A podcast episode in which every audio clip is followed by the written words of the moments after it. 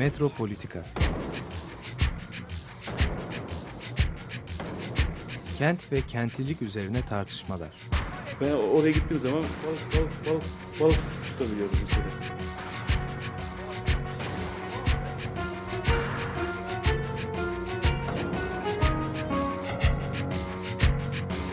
Hazırlayıp sunanlar Aysin Türkmen, Korhan Gümüş ve Murat Güvenç. Takusu yok yani. kolay kolay boşaltamadılar. Yani elektrikçiler terk etmedi Perşembe Pazarı merkezinde. Merhabalar değerli Açık Radyo dinleyicileri. Metropolitika bugün Murat Güvenç ve Korhan Gümüş'le devam ediyor.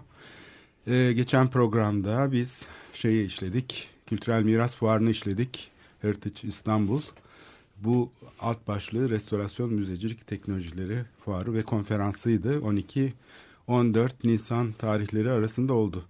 Şimdi buradan e, biraz müze fikrine doğru da geçmemiz iyi olur diye ben düşündüm. E, bu e, fuarda en büyük standlar kamu kuruluşlarının standlarıydı. Yani Kültür Bakanlığı olsun, Vakıflar Genel Müdürlüğü olsun ve İstanbul Büyükşehir Belediyesi. Tahmin ediyorum proje zenginliği açısından da Büyükşehir Belediyesi'nin standı epey göz dolduruyordu.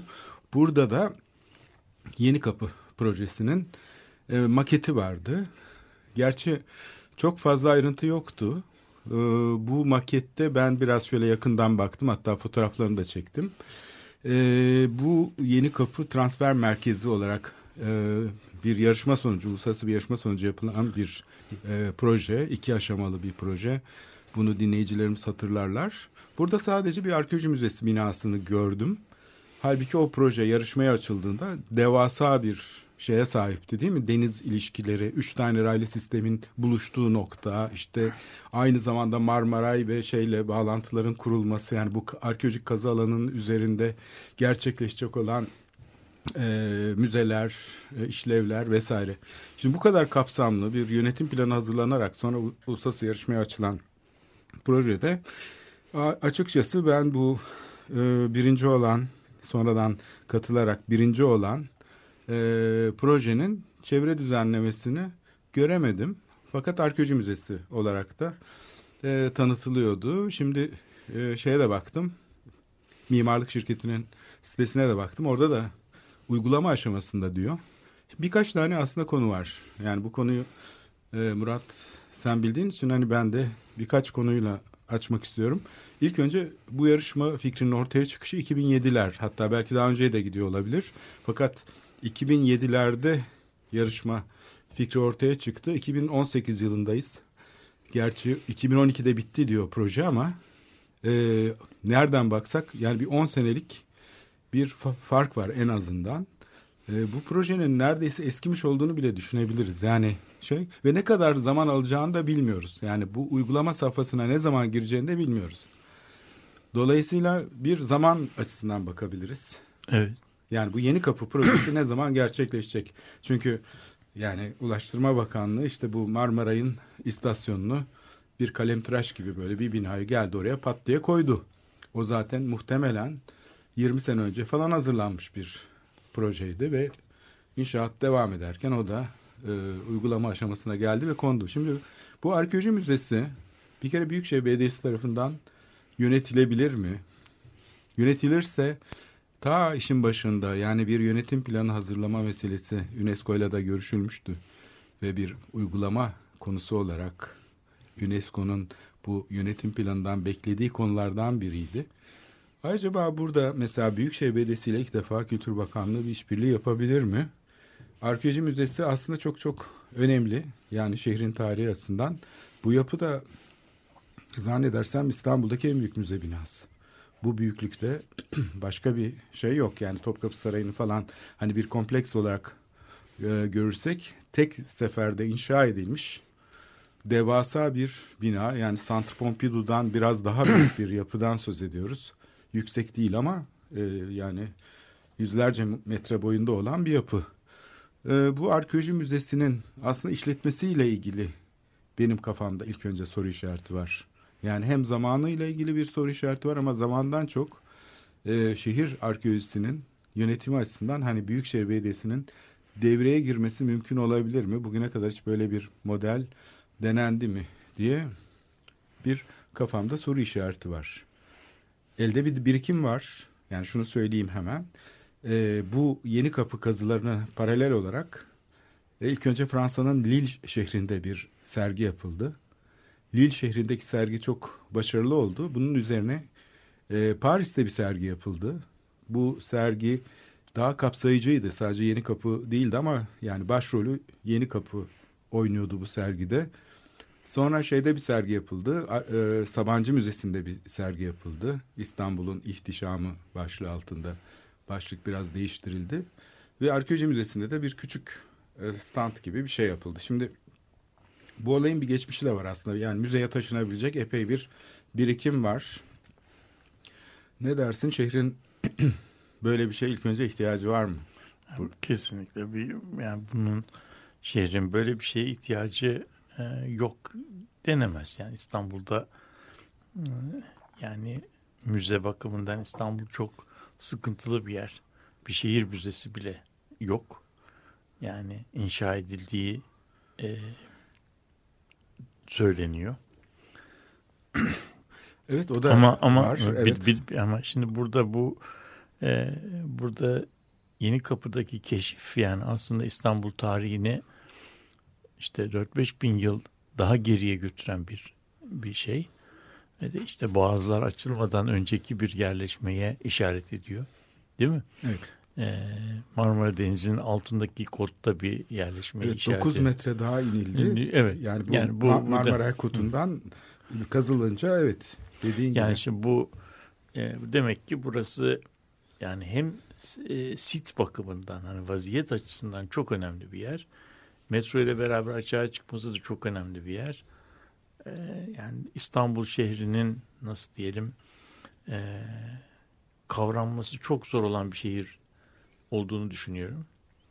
Ve bu bu da en azından İstanbul şehrinin anlatısı açısından bize bir şey verecek. Yani hikayesi bakımından müthiş bir başlangıç olabilir. Yani insanlar bu e, bu sit üzerinden şehirlerini kurmaya başlarlarsa e, o zaman İstanbul şehrinin biraz böyle şey olmayan, hamasi olmayan, milliyetçi olmayan bir e, nasıl diyelim uzun dönemli bir tarihi olacak. O bakımdan bunun e, çok gerekli bir şey olduğunu düşünüyorum. Yani böyle bir şey olursa çok iyi olur diye düşünüyorum. İstanbul ama, için ama, iyi olur. Tabii. ama, ama bu yapılabilir mi? İşte orada He, problem. ya- Yapılabilir mi? Kim yapar? Bunun e, anlatısını kim e, edit eder? Kim redakte eder? Bu hikayeyi kim kurar? E, buralarda tabii büyük bir şey var. Büyük e, soru işaretleri var ve bunlar olmadığı sürece e, bu, bu müzenin daha doğrusu böyle inşaatın 10 yıl gecikmesi beni hiç şey yapmadı. Şaşırtmadı. 20 yıl 30 yılda olsa yine şaşırtmayacak. Çünkü biz şu anda yani böyle bir müze fikrini nasıl yaparız konusunda ben biraz e, büyük sıkıntılar görüyorum ve bizim e, yani tünel yapma, köprü yapma, bayındırlık eserlerinde ki başarımızı bu şehir müzesi konusunda yapamıyoruz. Müzecilik konusunda yapamıyoruz. Çünkü bu zor bir iş. E, çünkü müzeyi de müze binası yani müze kurma işini de herhangi bir e, ihale gibi e, görüyoruz. Ben şehir müzesinin yani biraz hikayesini biliyorum. Orada e, yani mimar, müzenin küratörlüğünü projeyi çizen mimara veriyorlar. yani şimdi yani sen bu binayı yapıyorsun, e, müzeyi de kur. Yani içi, içinde yani halbuki tabii e, hepimiz biliyoruz ki yani müzenin tahayyülü, mü- müzenin kendisinin kurulması binanın yapılmasından bağımsız bir şey değil ama ondan çok daha zor bir iş. Çok farklı bir şey. Çok var, çok ve Evet, çok başka e, uzmanlıklar gerektiriyor. Ben bunu yani kenarından teğet geçtim diyorum. İyi ki de geçmişim. Zor bir iştir. Ee, bunu nasıl çözerler bilmiyorum ama bu e, müze kurma konusunda benim tanık olduğum girişimlerde henüz daha bir başarı öyküsüne ben rastlamadım. Yani şehir müzesi konusunda. Tarih Vakfı'nda çalıştım. Orada Darphane'nin şehir müzesi olma macerasını biliyorum. Biraz bu yeni kapıyı biliyorum. Ee, bir, bir şehir müzesini biliyorum. Yani bu müze yapma konusundaki e, maceraların uzun sürdüğünü ve sonunda bir e, sahibinin olmadığını, e, sahipsiz bir işin de kendini gerçekleştiremediğini e, görüyorum. O yüzden bu müze meselesi beni doğrusu çok heyecanlandırmıyor diyelim. Yani ben gerekli olduğunu çok düşünüyorum ama nasıl yapılabilirliği, yapılabilirliği konusunda çok büyük şüphelerim var. Bir yerde yani bu böyle bir müze meselesinin aslında kendi kendine barışmış, kendi kendisiyle konuşan e, ve şehriyle, arka, o şehirde yaşayan insanlarla e, barış içinde olan bir toplumda müze kurulabilir diye düşünüyorum. Kendi kendisiyle, şehriyle, e, top, şehirli hemşehrileriyle kavga içinde olan bir e, toplumda böyle bir müzenin e, binasını yapmak ne kadar kolaysa içini doldurmak o kadar zor diye düşünüyorum. E, o da beni doğrusu biraz e, üzüyor. Karamsarlığa. Peki yani. o zaman bir şey olarak baktığımızda ya bu müze fikrinden önce Yeni Kapı'da 42 bin metrekarelik bir AVM tasarlanmıştı ve bu uygulama projesi de bitmişti. Hı hı. Biz buna müdahale ettik aslında. Yani müdahale ettiğimiz şey o zaman hani bulaşmadık değil bulaştık. 2007 evet. yılıydı çok iyi hatırlıyorum. Burada 42 bin metrekarelik bir AVM tasarlanmıştı. Ve dolayısıyla aslında o AVM yapılmış olacaktı arkeolojik alanın üzerinde ve şimdi pırıl pırıl yürüyen merdivenleriyle işte şeyleriyle restoranlarıyla falan çalışıyor olacaktı aslında bakarsan yani model aslında çok e, şey gerçekçi bir şekilde tasarlanmıştı. Hı hı. Burada beklenmedik olan ya da bu projenin zorluğunu yaratan yani bir sivil girişimin çıkıp ya burada AVM olmaz kardeşim. Ee, bunun başka bir alternatif İstanbul için çok daha değerli. Çünkü bu buluşlar İstanbul'a çok büyük şeyler kazandırdı. Dolayısıyla siz altın yumurtlayacak tavuğu kesip yemeyin. Burada doğru düz bir şey yapılsın. Bir kere mimari proje yapılsın ama mimari projeyi yönetmek için de bir organlaşma oluşsun. Çünkü mimari projenin oluşabilmesi için bir işveren lazım. İşveren olmadan mimari proje olmaz. Dolayısıyla bu işvereni oluşturmak için aslında bir yönetim organı gibi bir şey oluşturulmaya çalışıldı. Bunu da Büyükşehir Belediyesi, bunun liderliğini Büyükşehir Belediyesi yaptı. Fakat uygulamaya gelince herkes ayrı çalışıyor. Yani oradaki bütün aktörler, yerel belediye olsun, Büyükşehir Belediyesi olsun, Park ve Bahçeler Müdürlüğü olsun, oradaki Ulaştırma Bakanlığı'nın birimi olsun. Yani bunların hepsinin arasında uygulama aşamasında bir şey sınırlar ortaya çıkmaya başlıyor ya da çatlaklı bir araziye dönüşüyor. Çünkü hepsinin bütçe yönetimi ayrı.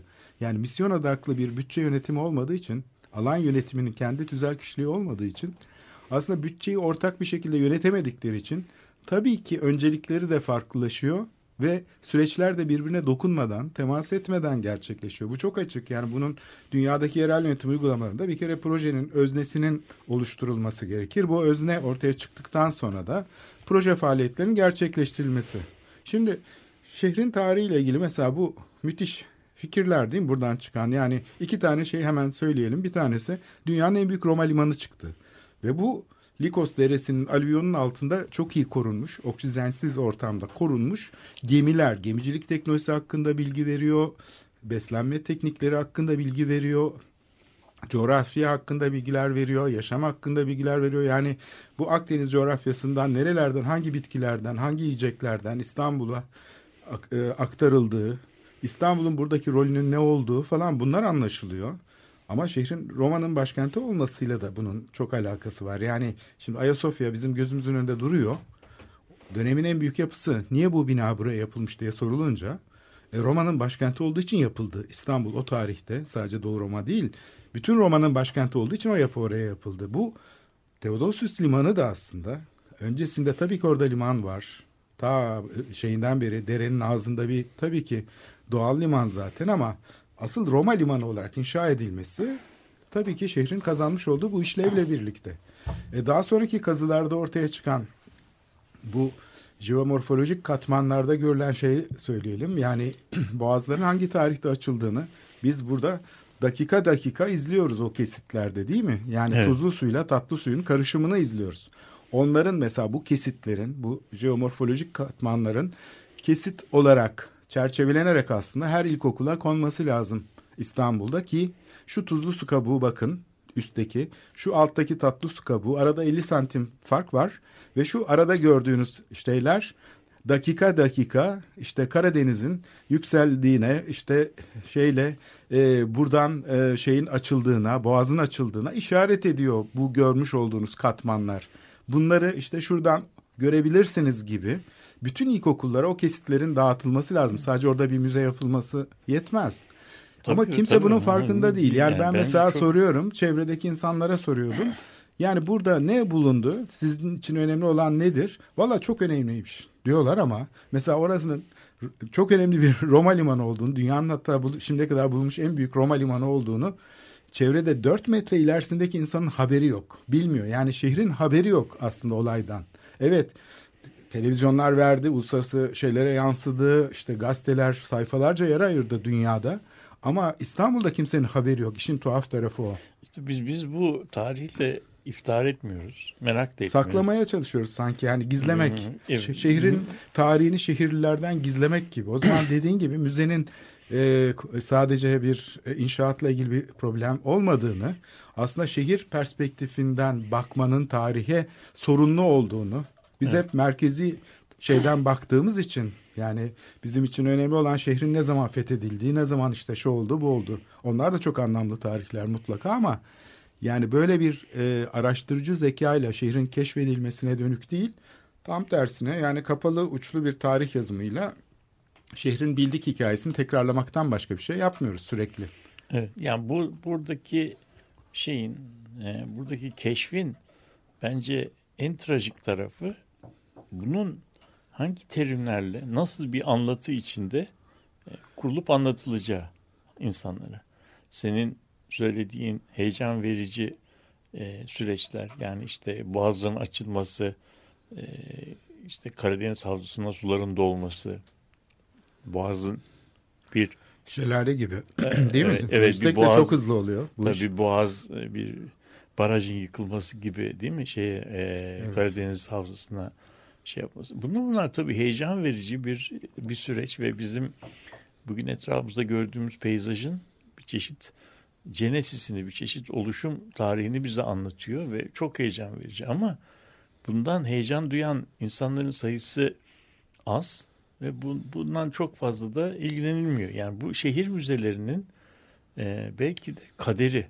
Çünkü e, bir şehir müzesi e, şehir müzesi diğer müzelerden yani diğer müze çeşitleri mesela resim müzesinden falan farklı olarak yani bir, işte modern sanatlar müzesinde bir tane küratör var şeyleri işte üzerinde uzlaşılmış resimlerden bir koleksiyon oluşturuyor. Bu koleksiyonu depoluyor.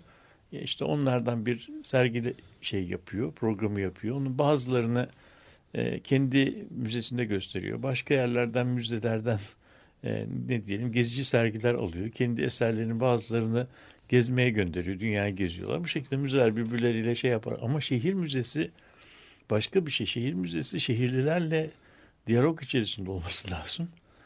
İşte şehrin tarihini şehirliye nasıl anlatacağım konusunda e, bu anlatıyı yapacak insanla şehirliler arasında bir e, bir, bir diyalog kanalının açık olması gerekiyor. Ama işleyecek işte onu. Yani tabii. bir İki o tane iki tane büyük düz problem. bir anlatı değil değil mi? Tabii, Yani tabii, doğrudan hayır. doğruya basit bir temsil meselesi değil. Değil. İşte bir panoramik müze yapalım. Halk bunun içinden geçsin, Geçsin, ha, tamam. öğrensin değil. İşleyecek Değil, kurumlar tamam lazım. işte bu, Sanat bu gibi. buradaki büyük problem, burada büyük problem o anlatının hangi terimler üzerinde kurulacağı üzerinde şeyimiz yok. Ee, uzlaşımız yok. yok. Kapa- ka- kapasite kapasite yok bu konuda. Yani e, şey e, inşaat konusunda değil mi? İnşaat, binanın inşaatı, e, parkların yapılması, otoparkların yapılması, binanın e, tasarımı, içerinin donatılması filan konusunda e, şey bizim sistemlerimiz buna izin veriyor. Ama bir şehir müzesi demin senin söylediğin gibi sadece e, yani müteahhitle inşaatı yapacak e, yükleniciyi ilgilendirmiyor. E, o müzede anlatılacak bütün öykünün e, tahayyülünü içeriyor. Ve bu öykünün nasıl kurulacağı çok önemli. Ve de bu öykünün tek bir biçimde kullanamayacağı da açık açık. Yani onun için şeyi bu müzeyi yapacak küratörün kendini e, geri plana alması, bu öyküleri nasıl e, şey yapacağı, orkestra edeceği, alternatif öyküleri nasıl kullanabileceği konusunda bir şey yapması lazım ve bu da çok zor e, bir problem. Benim gördüğüm birkaç tane şehir müzesi gezdim. Gördüğüm yaklaşım şöyle oluyor. Ee, aslında müzenin sürekli sergisi dediğimiz sergi e, üzerinde çok düşünülmüş ama çok basit bir sergi. Yani bu sergi yani insanların itiraz edemeyeceği bir şehir kurgusunu sunuyor. Müzenin asıl performansı e, dönemsel sergiler. Yani çeşitli küratörlere işte temalar üzerinden bir yıl açık kalan, altı ay açık kalan şeyi olan, kataloğu olan e, ve de büyük bir şey e, nasıl diyelim e, emek e, karşılığında üretilmiş sergiler var ve bunlar da periyodik sergiler. Bunlar açılıyor. Bir tanesi açıkken öbürünün e, tasarımına gidiliyor ve bunları farklı farklı insanlar e, ta, küratörlüğünü yaptıkları için e, oradaki mesajın sahibi küratörün kendisi oluyor. Ve izleyiciler de bunu işte şehirdeki o temayla ilgili olarak mümkün olarak mümkün olan verilebilecek mesajlardan bir tanesi olarak görüyorlar ve de bu demokrasiye halel getirmiyor. Ama biz e, şehrin total bir tarihini müzenin e, anlatısına koymayı e, amaçladığımız andan itibaren bir, yani içinden çıkılması e, mümkün olmayan şeyde interactable içinden çıkılmaz bir e, bir e, problem içerisine giriyoruz. Çünkü o belli bir noktadan sonra ne yapsak eksik, ne yapsak fazla e, oluyor. Yani bazı şeyleri anlatmak canım onlar varken bunu niye vurguluyorsun? Kenarından geçtik. Aa onu da eksik bıraktın.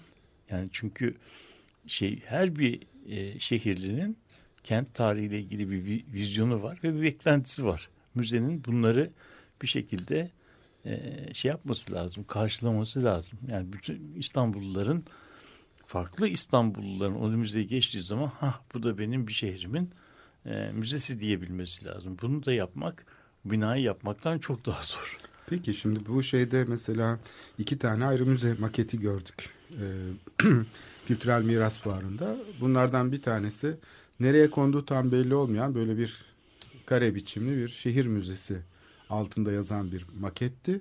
Ama hiçbir bilgi yoktu onun hakkında da. Yani sadece bir kutu gibi bir şey gördük. Yani halbuki şehir müzesi deyince amacının ne olacağı, neleri e, şey işleyeceği falan gibi bir şeyler olabilir. Yani ulaşım tarihi mi olacak, konut tarihi mi olacak? işte tarih yani şehir tarihiyle ilgili şeylerin e, bölümlerinin falan burada herhalde bilgi verilmesi gerekirdi. Diğer tarafta da bu yeni kapıdaki artık transfer merkezi projesinden küçültüle küçültüle şehir müzesi fikrinin bir bölümünü oluşturabilecek Yeni Kapı Müzesi'ne geliyoruz. Arkeoloji Müzesi. Şimdi burada bir orantısızlık var. Bir kere yani şehir müzesi tamam belediyenin yaptığı bir şeydir dünyanın her yerinde ama arkeoloji müzesi dediğimiz zaman onun kendine özgü bir danışma kurulu falan vardır. Şehir müzesinde vardır, bunun da vardır ama bir de küratörü vardır ve bu işin başından itibaren bir yönetim şeyiyle e, gerçekleşir. Mimari projede ona göre gerçekleşir. Mesela 69'da gerçekleştirilen projeyle yapılan Centre Pompidou, Pompidou Kültür Merkezi'nin yani mimarlarıyla içinde geçecek olan şeylerin, bölümlerin küratörlerinin ayrı şeyleri vardır. Yani bu şeyi onların bir özelliği vardır ve mimarlar bunlarla farklı şeyleri ayırarak yani yapıyla içinde gerçekleşecek olan şeylerin, etkinliklerin zamansallıklarını ayırarak tasarım ona göre yaptılar mesela değil mi? Bu içinde hem müzikle ilgili hem deneysel sanatlar, tasarım, mimarlık birçok şey var. Ee, böyle disiplinler ötesi bir sanat konseptini geliştiren bir yaklaşımdı. Şimdi bir şehir müzesinin de aslında yani tek bir boyutu değil hani birçok boyutunun olması lazım ve bunları tasarlayacak şeyin de tabii bildiğimiz hani belediyenin bürokrasiyle falan yönetilmez böyle bir şey. Bunun için ayrı bir yapının kurulması lazım ve bunda bir özel enstitü gibi bir şeyle başlaması lazım. Aslında bu sadece şehir müzesi için değil Topkapı Sarayı için de aynı şey geçerli. Arkeoloji Müzesi için de geçerli. Yani kendisini bir üniversite gibi yeniden üreten bilimsel özelliği olan bir kurum olması lazım. Kendi bütçesi olan yani bunu şeyle olmaz yani atanmış bürokratlarla yönetilen istediği zaman müdürünü değiştirebildiği belediye başkanının falan e, bir şube olarak yönetilmesi şehir müzesinin mümkün değildir. Onun yapıldığı dönemler de var. Tabii 1930'larda belki böyle bir model olmuş olabilir ama bugün yani yönetilen şehir müzelerinde de bilimsel özelliği olan kurumları anlıyoruz. Şimdi bu açıdan zaten bu söylediğin kazıyı yapabilmek yani arkeolojik kazıyı kastetmiyorum. Hani bilimsel kazıları yapabilmek, bunu şeye şehir halkına şey yapabilmek, sunabilmek için kendi şeyinin olması lazım bir kere. Dinamiğinin olması lazım. Böyle bir müzenin. Onun olmadığını gördük. Tabii bu bu yani bence bence şeyin böyle bir projenin başındaki yöneticinin e, cevapları olan bir insan olmaktan çok soru sormaktan hoşlanan, e, bilimden e, şey alan, heyecan alan, başkalarını dinlemekten böyle heyecan duyan ve de e, o çabaları ben nasıl acaba e, paylaşırım falan gibi e, kaygılarla gününü geçiren ve işte çocukları, erişkinleri, kentlileri, mesleği ne olursa olsun yani onlarla be- beraber olmaktan hoşnut olan, onları seven filan bir insan olması lazım. Yani kentle hemhal olmuş bir adamdan bahsediyoruz. Böyle böyle bir şeyin veya bir gruptan bahsediyoruz. E bu- böyle bir grup, böyle bir şey e, bir demokratik bir e, yaklaşım gerektiriyor birinci şey olarak. İkincisi de e, şeyin öznenin yani böyle bir projeyi üre- üretecek öznenin kendini bir adım geriye alarak anlatabildim mi? Bu etkileşimin kendisinin e, öne çıkmasına e, izin vermesi, yol açması, ön ön ön vermesi, ön- yani öncü olması gerektiriyor. Bu e, senin demin söylediğin şeydeki alan yönetimi alanındaki problem neyse müze probleminde de aynı problem. Çünkü alan yönetiminde e, şeyin e, ilişkinin yatay ilişkilerin koordinasyonu önemli. Yatay, yatay ilişkilerin koordinasyonunu yapıyorsak o zaman bu orada bir ast üst ilişkisi yok ama bir işte paydaşlık ilişkisi ve bir ko- kooperasyon ilişkisi gerekiyor. Bu, ol- bu olmadan da alanı yönetmek mümkün değil. Bizim ama yönetim kültürümüzde bu komuta kontrol şeyi boyutu çok önemli. Biz onun için e, usul ve esaslarda kim neyi yapar, neye yetkilidir oradan başlıyoruz. Ondan sonra e, alan yönetimi e, gibi bir yatay e, bağlantılar içeren bir proje geldiği zaman bu özneler ister istemez e, yetki e, çatışmasına gidiyorlar. Yani buna buna senin yetkin vardı. Buna buna, yetkin benim vardı. Sen, sen burada benim projemin e, terimleri üzerinden kendi işini yapacaksın. Kendin özne haline gelemezsin. Hani bu bu böyle bir şey var. Aynısı, aynı problemi ben müze e, tasarımında da görüyorum. Yani müzenin binasını tasarlatmak ne kadar ko- kolaysa içini yani küre çınını ve oradaki anlatıyı yapmak o kadar zor. Çünkü e, şehir müzesi e, yani şehirdeki çoğunluklar kadar azınlıklara e, da yer vermeli. Hakim anlayış kadar hakim anlayışı şey yapmayan, paylaşmayan alternatif yorumlara da yer vermeli. Çünkü onlar da bu şehrin parçaları. E, o zaman hangi e, anlatının hangi ağırlıkla ne, hangi biçimde müzede yer alacağı problemi e, çözülmüş bir problem değil. Müzakere edilmesi gereken bir pro problem ve bunun da açık olarak sürekli tartışılması gerekiyor. Bu e, burada o zaman müzenin yaşayan bir müze olarak sürekli olarak kendi anlatılarını revize, revize etmeye, kendi kendisinin anlatısını e, tahsih etmeye açık bir müze olması lazım.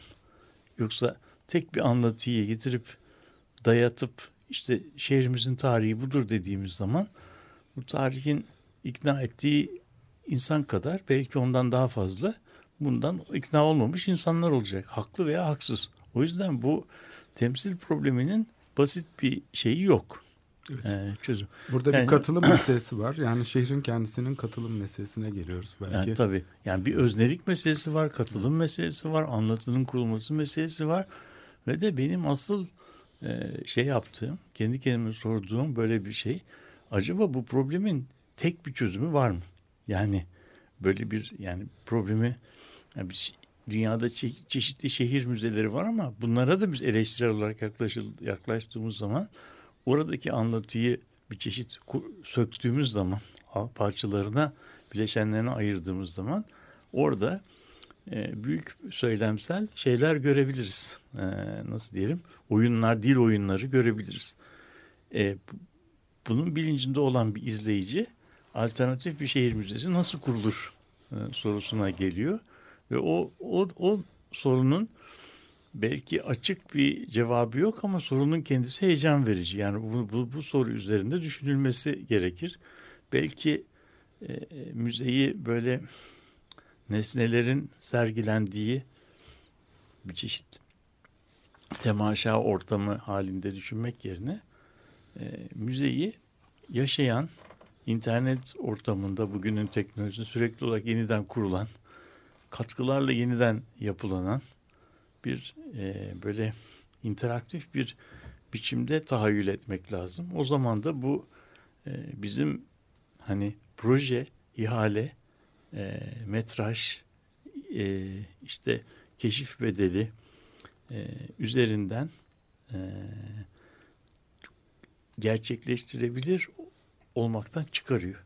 Alternatif bir şehir şeyi, e, müzesi projesi nasıl kurulabilir problemine getiriyor. Bu da yani şu anda doğrusunu söylemek gerekirse çok böyle elitist bir şey söylemek istemem ama yani şu anda içinde yaşadığımız ortamda da bu bunlar böyle e, bana biraz e, gerçekçi yani çözümü gerçekçi olmayan e, şeyler gibi geliyor.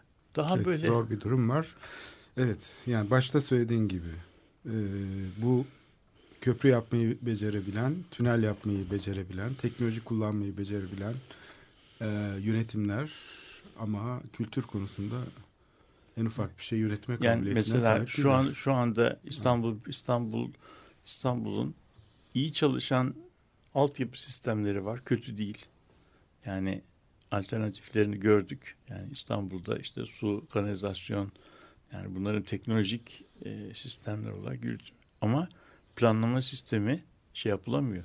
Yani çünkü bu, bu alandaki teknolojinin bazı teknolojileri ithal etmek mümkün.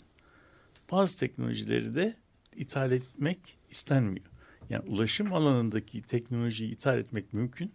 Ama planlama alanındaki teknoloji ithal edildiği zaman o teknoloji kendi beraberinde bir yönetim anlayışıyla beraber geliyor. O anlayış paylaşılmıyorsa o, o planlama yaklaşımı da burada biraz e, benimsenmiyor istersen biraz. Evet burada bir nefes alalım istersen. Eko Bunnyman'den dinleyeceğiz. The Killing Moon isimli parçayı. Müzik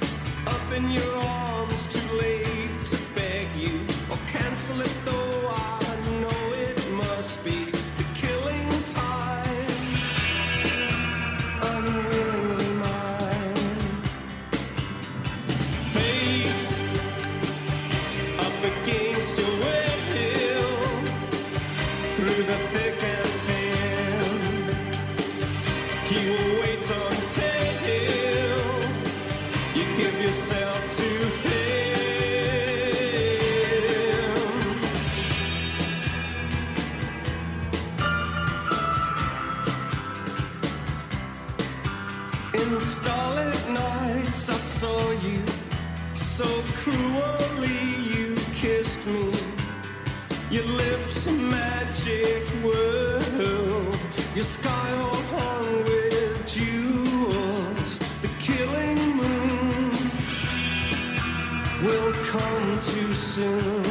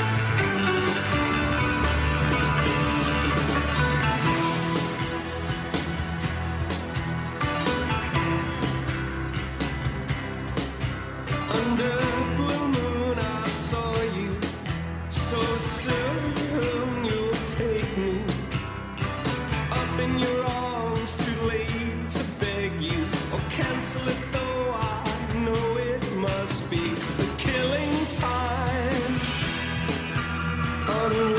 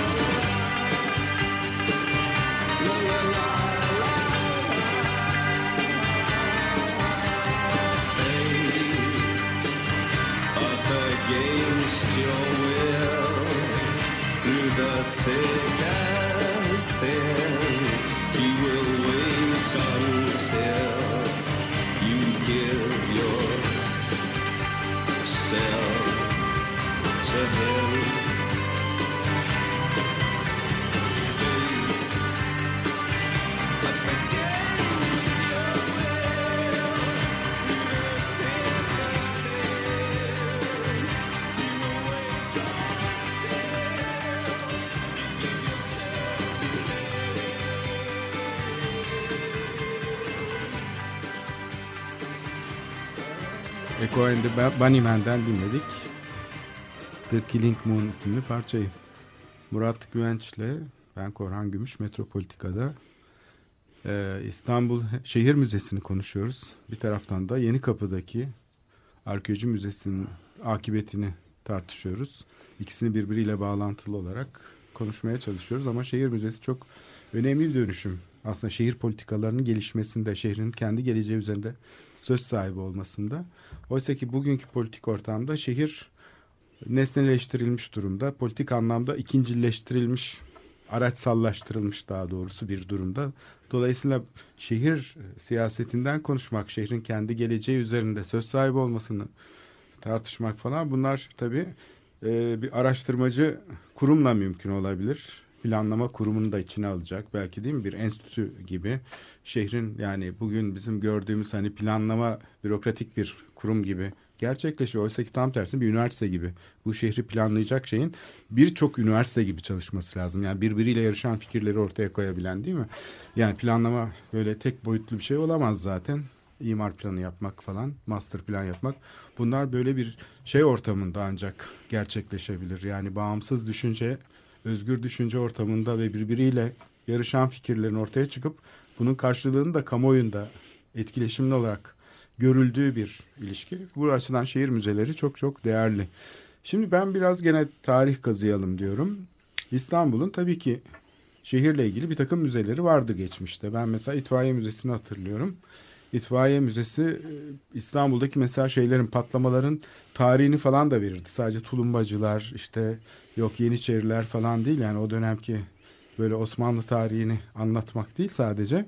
Aynı zamanda aktüel tarih üzerine de bilgileri olan bir müzeydi. Çok teknokratik bir gözle hazırlanmıştı. Belki hatırlarsın yani bu şeyde Saraçhane'de e, oradaki itfaiye şeyinin Merkezinde. merkezindeydi bu müze.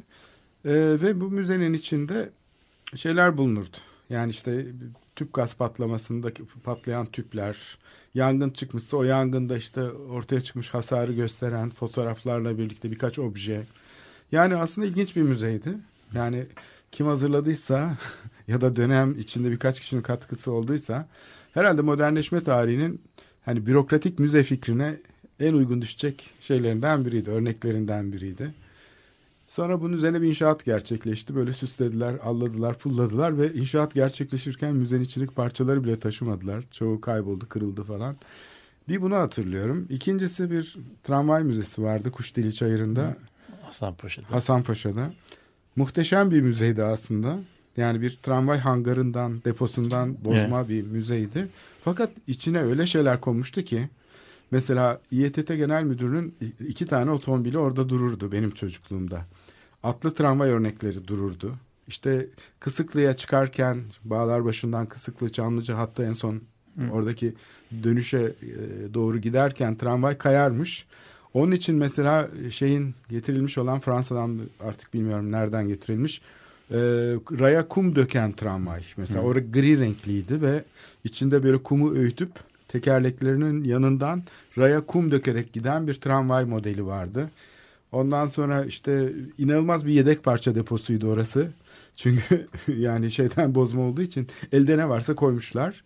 E, bir de tabii tramvayla tur atmak mümkündü. İki Evet. tane vagon vardı orada yani Ama elektrikli. tut dönerdi değil mi? Onlar orada bir tur atarlardı. İşte biz çocuklar böyle içine bindik mi böyle aa tramvay yine çalıştı falan hoşumuza giderdi. Şimdi bu müze ne oldu mesela? Ben bunu merak ediyorum. Yani bu müzenin parçaları nereye gitti? Ya bunlar mesela bak bu anlattığın müzeler e, eğer yaşamış olsaydı herhalde gelişirdi. Yani tramvay müzesi Otobüs olduğu- müzesi de olurdu mesela. Tabii yani o yapıldı gibi kalmazdı. Belki bazı bazı bölümleri değişirdi. Bazı yeni bölümler e, şey olurdu ama o fikir devam ederdi. Şimdi bunu e, devam ettirmiyoruz. O zaman daha iyisini yaparız diye müzenin o birikimini de bir şekilde e, ortadan kaldırıyoruz. Yani bu şekilde itfaiye müzesi de gidiyor. Tramvay müzesi de gidiyor. İETT Müzesi de çok küçük bir müzeye dönüşüyor. İtfaiye Müzesi çok önemli bir eğitim kurumu olabilirdi mesela Tabii, risk tabii. e, şey konusunda Tabii, tabii. azaltma konusunda yani yangınlar, depremler Eşi- vesaire tabii, tarihi tabii. hakkında Yani- çok yani önemli bu- bir şey. Bu, yani bu işte bu şehir müzesi zaten bunlardan farklı bir şey değil. Bunlar şehir müzesinin şeyleri. E, mütemmim cüzleri. Şey bu- bunların tamamı yani şehir müzesinin tamamının aynı bir mekanda olması da gerekmiyor. Şehir müzesi dediğimiz projenin çok farklı e, bileşenleri olabilir. Bu bileşenler farklı farklı e, alanlarda olabilir. Bunların tamamını bir günde gezmek de e, gerekmez. E, şehir müzesi şehir hayatının bir çeşit şeyi olabilir, tanığı olabilir. Şehir hayatıyla beraber değişir. Yani onun bir çeşit e, nasıl diyeyim belleği e, olabilir. Onun izlerini taşıyan bir şey. Yani İstanbul'da bu bakımdan herhalde dünyada en e, heyecan verici şeylerden bir tanesi. Yani İstanbul'da deniz ulaşımı e, teması üzerinde herhalde yani e, nasıl diyelim yani 10 tane müze yapılabilir. Yani gemilerinden e, yani İstanbul'un suyla ilişkisi teması üzerinde artık bunun zaman içerisinde nasıl değiştiğini değil mi? Yani insanın İstanbul'daki bu e, pazarcı kayığından şirketi Hayriye'ye oradan bilmem arabalı vapurlara İstanbul'un e, vapur dizaynından işte bilmem iskelelerine e, kayıkçılara, hamallara kadar böyle muazzam bir limana e, muazzam bir şey var. Tamam? Küçük şehirlerde bile bu var. Mesela Rotterdam'da, Amsterdam'da var, Venedik'te var. Yani bunlar aslında e, çok da kolay yapılabilecek şeyler. Çünkü elde hazır zaten malzeme, Malzeme- var. malzeme yani ve- bunları sadece restore edip saklaman yetiyor. Yani bir de İstanbul'daki malzemenin dünyada benzeri de yok. Yani İstanbul İstanbul'daki şehir hatları vapurları mesela dünyada var olan bir e, vapurun İstanbul örneği değil. Yani her yerde otobüs var ama İstanbul şehir hatları vapurları İstanbul'da gelişmiş, tasarlanmış ve o tasarım İstanbul'da artık mükemmelleşmiş bir şey. Yani İstanbul'un bu şekilde e, nasıl diyelim çalışan şehir hatları vapurları aslında bir çeşitli müze. Yani, Yani- tabii ki. Tabii tabii. Yani o e, pek az şehirde yani bunun bu kadar farklı modelinin e, işte çalışırken deneyimlenmesi mümkün olabiliyor. Yani Onların bir kısmı korunuyor ve restore ediliyor. Çünkü yani bu buhar makinalı gemilerin ben kullanıldığını şeyde gördüm. E, Como Gölü'nde var, Tabii, Amsterdam'da var. tabii, tabii. Yani çok sayıda e, buharlı gemi bugün hizmet verebiliyor ve ayrıca e, şey de var. Yani bir süreklilik de var. Mesela dizel e, tekneler de diyelim hani Venedik'te mesela Vaporetto'lar hani e, bir şey olarak e, tipi korunuyor falan e, güncelleniyor belki makinaları falan ama ama, mesela oradaki tasarım, oradaki tasarım yani tamamen Venedik'e özgü bir tasarım. Evet. Yani onun boyu, yanaşma sistemi, hızı değil mi? Yani her tarafı işte İstanbul'un vapurları da biraz öyle. Ee, mesela bunun bizim gençliğimizde 60'lı yıllarda e, dizelle geçmeden önce e, şeyi kazanları fuel oil ile çalışan buharlı makineler. evet o İngiliz malı işte gemiler Glasgow mesela. Evet. Mesela bunlar bunlar aslında İstanbul'un e, şeyini nasıl diyeyim deniz oto şeyinin ulaşımında o e, modern tarihle geçmiş arasında böyle bir köprü vazifesi veren bir, bir çok önemli bir e, şey yaptılar ve o gemilerde mesela hatırlarsın böyle bir vibrasyon yoktu. Yani onlar tabii şey, e, buhar makine- sahiden çok en gelişmiş e, şekliydi buhar, makinesinin. Evet. Yani şeyle çalışan. Şimdi bu, bu buralarda yani bu gemilerin e, bu gemilerin tarihi, bunun iskelelerle kurduğu ilişki, bunun aslında İstanbul'daki kamusal alanın kuruluşuna katkısı. Çünkü bir vapur yolcusu diye bir şey vardı. O vapurda seyahat etmenin bir kültürü vardı. Vapurda oturmanın değil mi? Evet, iç Yani- mekan kullanımı var, Evet. alışkanlıklar, adabı. Yani hangi, mesela 8-15 vapurun müdavimleriyle 9-15 vapurun müdavimleri birbirinden farklı. O gelenler öğrenciler nerede otururlar, şey, hani ne tür eğlen, eğlenirler, nasıl şey yaparlar. Yani bunun İstanbul'un tarihinde yani bir şehir tarihi e, vapur üzerinden e, yazılabilir. Yani ve o vapur İstanbul için çok önemli olabilirdi. Ama bunun heyecanını duyacak ve bunu bir problematize edecek bir şeye ihtiyaç var. Yani bu en azından şehir tiyatroları, kütüphane kadar önemli bir şey. Yani bütün bunlar yapıldıktan sonra e, yapılacak. Ha, bir de bir de müze kuralım şahane olacak değil. Yani müze kurmak aslında Yaşayan bir e, şey. yaşayan bir şey ve çok problemli bir şey. Yani, Yani bu Şeyi yaparken ki kurumun kendi üzerine düşünmesi demek. Yani ulaşımla ilgili diyelim bir kurum vardı. İETT işte bu tramvay müzesini yapan. E kendi kurumsal şeyini aynı zamanda temsil ediyordu orada. İtfaiye vardı. Tabii. İtfaiye aynı zamanda kendi birikimini, deneyimini orada sergiliyordu. Tabii. Su müzesi vardı geçmişte Aksaray'da. E, orada da mesela bu senin zaman zaman anlattığın hani kendi kendine akan su sistemiyle modern su sisteminin farklılaşması.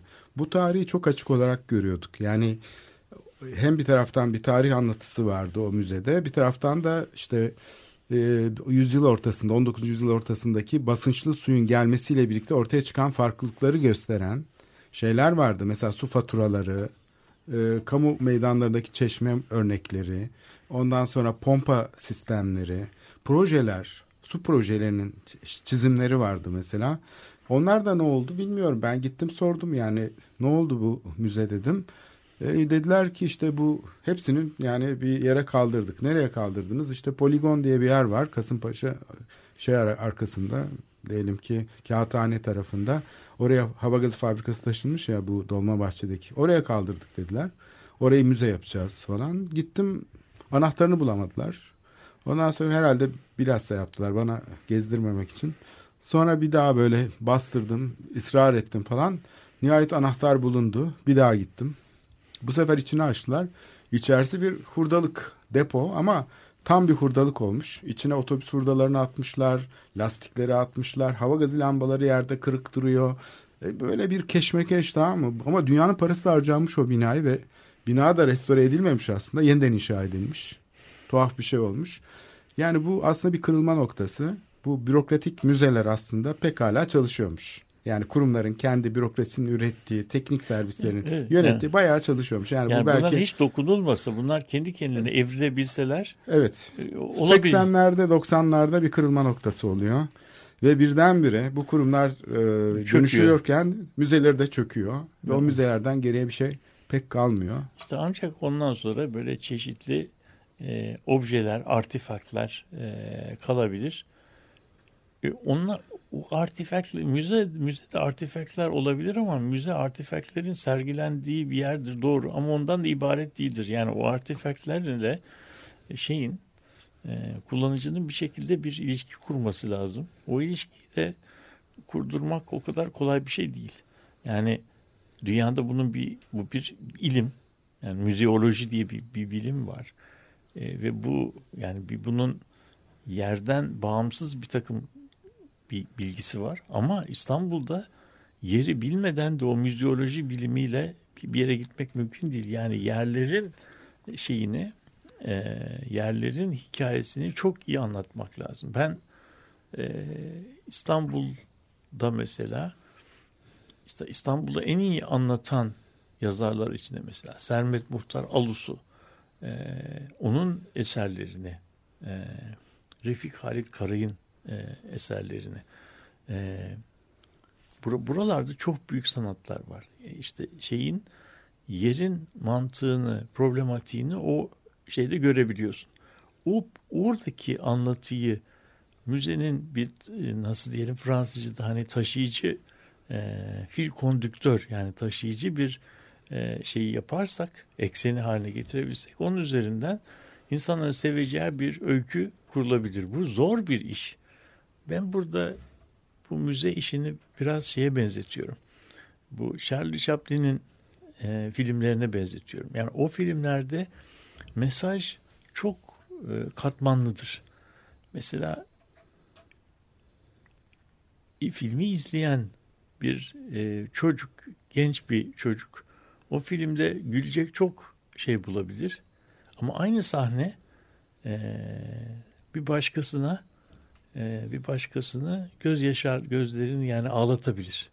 Yani mesela bu asri zamanlar, modern zamanlar filmindeki bazı sahnelere çocuklar bayılırlar.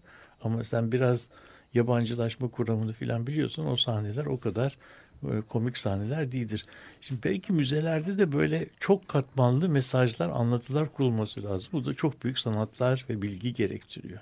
Evet burada şehir müzesini birkaç boyutuyla tartıştık aslında.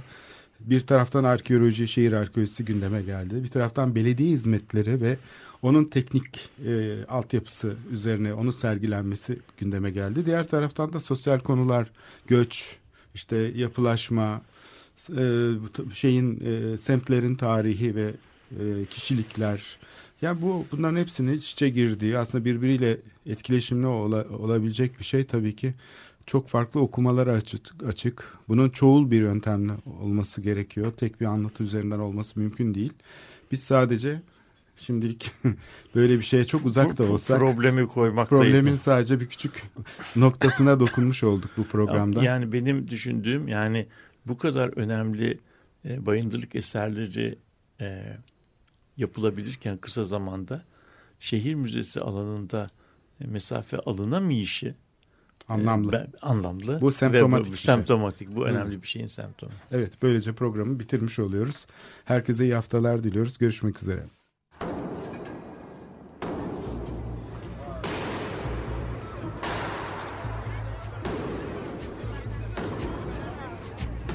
Metropolitika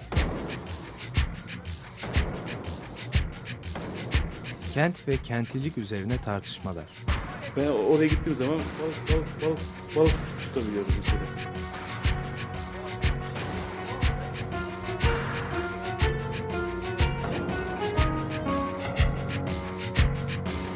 Hazırlayıp sunanlar Aysin Türkmen, Korhan Gümüş ve Murat Güvenç.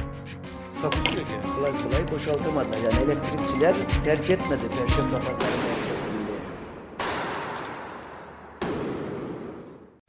Açık Radyo program destekçisi olun. Bir veya daha fazla programa destek olmak için 212 alan koduyla 343 41 41